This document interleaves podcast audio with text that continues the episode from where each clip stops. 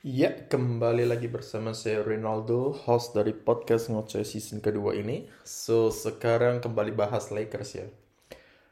Lakers meraih kemenangan 4 kali beruntun, luar biasa dan kemenangan atas Atlanta Hawks ini begitu dominan banget 134-118. Dan seperti yang teman-teman mungkin ingat di episode yang sebelumnya ketika aku bahas uh, Lakers lawan Kings, di mana dalam tiga pertandingan ke depannya, di mana Lakers itu akan berhadapan dengan Hawks, dengan Memphis, dengan Kings lagi, di mana Lakers itu wajib banget untuk bisa menang dari Hawks sama Kings karena secara posisi, secara persentasi mereka di bawah Lakers lah. Sedangkan lawan Memphis lah itu adalah sebenarnya nanti aku bahas sedikit tentang game pembuktian nih. Seberapa siap Lakers ini, seberapa solid Lakers ini. Tapi kalau lawan tim-tim yang harusnya di bawah mereka itu harusnya mereka menang. Dan terbukti di malam ini juga bermain di kandang sendiri di Crypto uh, Stadium. Lakers membuktikan bahwa mereka nggak hanya bisa menang, tapi mereka benar-benar mendominasi permainan. Uh, permainan bolanya juga banget uh, fluid banget satu sama lain. LeBron James sendiri juga nggak bekerja sendiri itu yang sebenarnya kan permasalahan sekarang ini kan. Yang terjadi adalah LeBron seolah-olah dia nge-carry timnya. Tapi kalau kita lihat dari permainan lawan Atlanta Hawks uh, teman-temannya itu benar-benar ngebantu. Oke okay, so uh, sedikit kita bahas tentang starters atau lining uh, starter line up-nya dulu. LeBron James kembali uh, sorry uh, Lakers menurunkan uh, small line up lagi di mana LeBron James di posisi center dan dia memerankan pem, apa posisi center juga sangat baik. Lalu di small forward ada Malik Monk, di point guard ada Westbrook, di shooting guard ada Bradley dan di power forward ada Johnson. Lalu benchnya ada THT, ada Anthony, ada Reeve, ada Ariza, Howard, Besmore, Ellington dan uh, sorry Ellington gak main, di Andre Jordan juga main Davis masih cedera Kendrick Nunn juga masih uh, dalam proses recovery. So highlight permainan tentunya LeBron James. LeBron James ini setelah 14 game 11 dari 14 gamenya dari aku baca stat, statistik juga dia udah bisa cetak 30 plus poin. Dan memang kita bisa lihat dari 14 game ke belakang permainannya begitu solid konsisten. Dia selalu mendominasi dan apa ya dari segi poin, dari segi rebound, dari segi assist. Bahkan setelah pertandingan melawan Hawks ini, LeBron sendiri juga masuk ke top 10 steals of all time. Di mana itu untuk kesekian kalinya karena dia di poin, di assist, di rebound, bahkan di three point kalau nggak salah itu di top 10. Sekarang kembali lagi dia masuk ke kategori yang lain yaitu di top 10 steals dan menunjukkan bahwa he one of the good gitu. Dan di malam ini LeBron juga mencetak poin 32 poin dengan 8 rebound, 9 assist, 4 steal. Field goal-nya juga bagus 54,2 dan dia mencetak satu dari 6 shootingan 3 poinnya. Dan sebenarnya highlight malam ini sebenarnya bukan cuma LeBron ya, tapi Malik Monk. Karena Malik Monk sendiri dia berhasil mencetak 7 dari 12 3 point shootingnya. Bahkan kalau aku nggak salah inget tadi di uh, di first half dia sempat 6 dari 6 atau 5 dari 5 three point shootnya. Dan ini yang sangat dipentuk, eh, sangat diperlukan sama Lakers. Apalagi terutama di game basketball zaman sekarang ini kan. Uh, kayaknya aku udah sempat mention juga di episode lalu bahwa Malik Monk ini sebenarnya underrated addition to Lakers tapi one of the most important. Karena sebenarnya kan addition yang diperlukan Lakers waktu uh, benar-benar musim awal musim ini Lakers merombak seluruh timnya kecuali uh, LeBron, AD, THT, uh, Bradley. Itu kan salah satu editionnya kan sebenarnya adalah Russell Westbrook kan diprediksi menjadi big three untuk musim ini dan membawa pulang uh, cincin NBA lagi. Tapi yang terjadi malah AD cedera dan Russell Westbrook juga memang sebenarnya setelah dia lepas dari OKC juga secara prestasi udah menurun banget ya. Mulai dari Houston, terus dia pergi ke Washington, dan sekarang di Los Angeles. Sebenarnya secara prestasi memang agak menurun. Dan sempat terseok-seok juga kan Lakers naik turun inkonsistensi lah ibaratnya. Tapi sekarang dengan 4 game ke belakang ini dan Malik Monk yang juga semakin solid menunjukkan bahwa he is an underrated addition lah untuk Lakers yang edition paling penting untuk Lakers Ditambah juga editionnya adalah di bagian 3 point, di mana itu salah satu titik lemah lah menurut aku ya sebagai mata awam. Yang Lakers sedikitnya kurang punya dibandingkan tim-tim lain.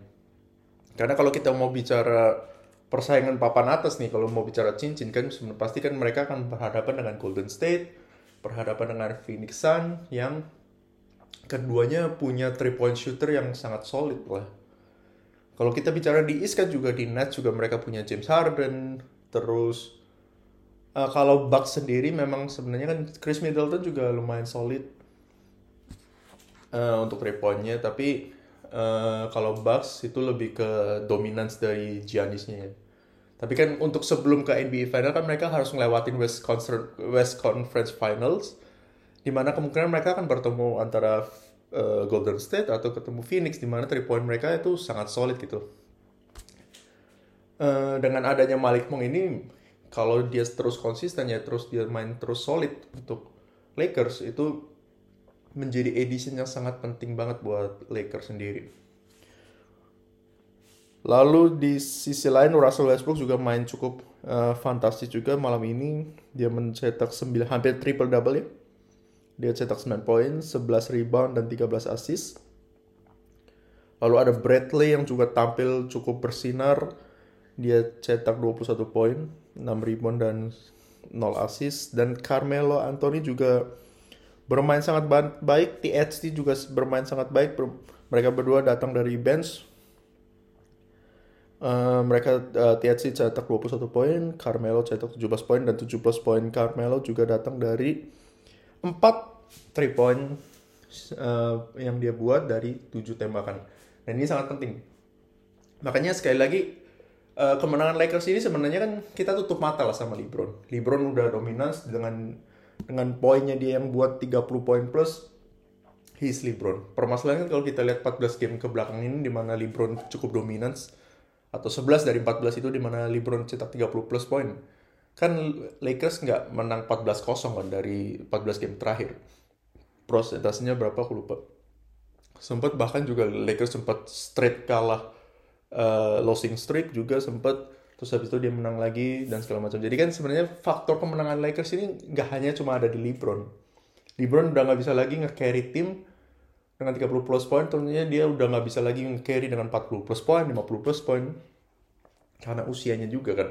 Jadi kalau kita lihat kemenangan-kemenangan Lakers ini sebenarnya kalau tim uh, teammate-nya itu solid. Kalau Malik Monk solid, kalau THC solid, kalau Russell Westbrook solid, Carmelo Anthony solid. Kalau mereka semua bisa solid dan membantu Le uh, LeBron untuk bisa memainkan permainannya itu, Lakers ini punya chance banget nggak hanya cuma lolos ke playoff, bahkan bisa bisa menjadi juara gitu. Menjadi NBA champion, mengalahkan uh, Golden State atau Phoenix Sun di Western Conference dan bersiap-siap untuk ketemu antara Milwaukee atau ketemu Brooklyn di finals. Jadi kuncinya sebenarnya ada di teman-temannya itu. Terutama nanti kalau misalkan misalkan AD balik, terus Kendrick Nunn kembali, dan beberapa pemain-pemain yang antara cedera atau karena health protocol, kalau mereka bisa benar-benar solid bentuk sebuah tim yang bisa bermain nggak hanya mengandalkan satu orang atau LeBron itu tim sini benar-benar scary sih scary banget. Karena kayak misalkan Golden State atau Phoenix Suns kan mereka nggak punya pemain sesolid AD misalkan kalau dia kembali lagi ke puncak performanya mereka nggak punya LeBron.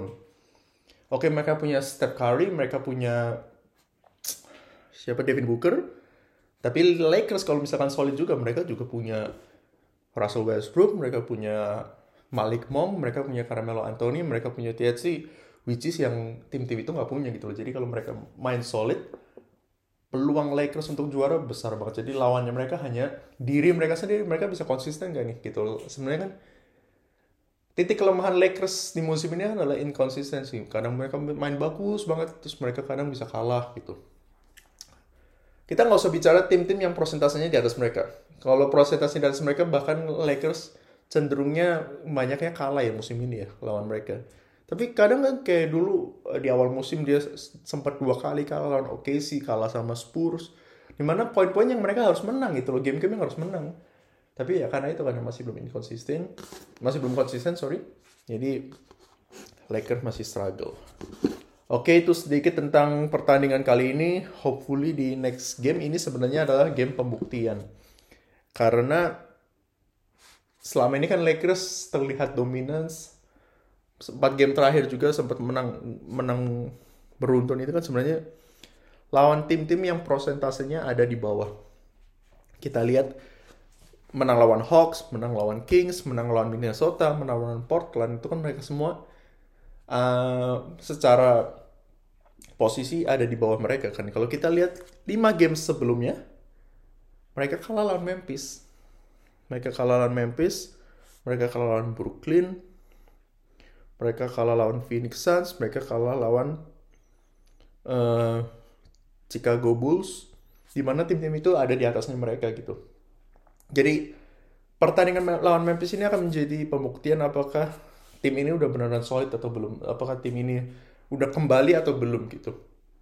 Karena ya untuk bisa menjadi juara ya mereka mereka harus mengalahkan tim-tim yang di atas mereka karena sekarang ini mereka ada di posisi 6 uh, udah masuk ke zona playoff yang aman dan untuk bisa terus merangsek ke atas menghindari zona play-in turnamen 78 9 10 mereka kan juga harus pengen bersaing juga di playoff bisa bahkan jadi juara. Jadi makanya pertandingan lawan Memphis ini akan menjadi pembuktian apakah Lakers benar-benar udah siap atau belum. Karena games-games ke depannya itu bukan game-game yang gampang ya. Kita sedikit uh, lihat uh, previewnya. Selanjutnya Lakers akan melawan Memphis. Terus habis itu akan lawan Kings lagi di mana harus menang. Lalu selanjutnya akan bertemu dengan Denver. Bertemu dengan Utah Jazz Indiana Orlando Miami Brooklyn Philly Charlotte Atlanta Portland Clippers Knicks Bucks Portland dan seterusnya tapi paling nggak dalam 5 game ke depan Lakers sudah nggak lagi lawan yang tim-tim mudah gitu. Mereka akan bertemu dengan Memphis, bertemu dengan Denver, bertemu dengan Utah Jazz. Tim-tim yang ada di atasnya mereka atau kayak Denver ada di ya di posisi 6, di posisi 7 yang rebutan lah ibaratnya. Dan di sini konsistensi dari pemain Lakers sangat dibutuhkan. Oke, mungkin itu dulu. We see you in the Lakers versus Grizzlies, Memphis Grizzlies kita lihat apakah tim ini udah benar-benar siap. Kalau mereka menang, it's a good point. Uh, it's a good start. Uh, other team you better be scary. Okay, bye.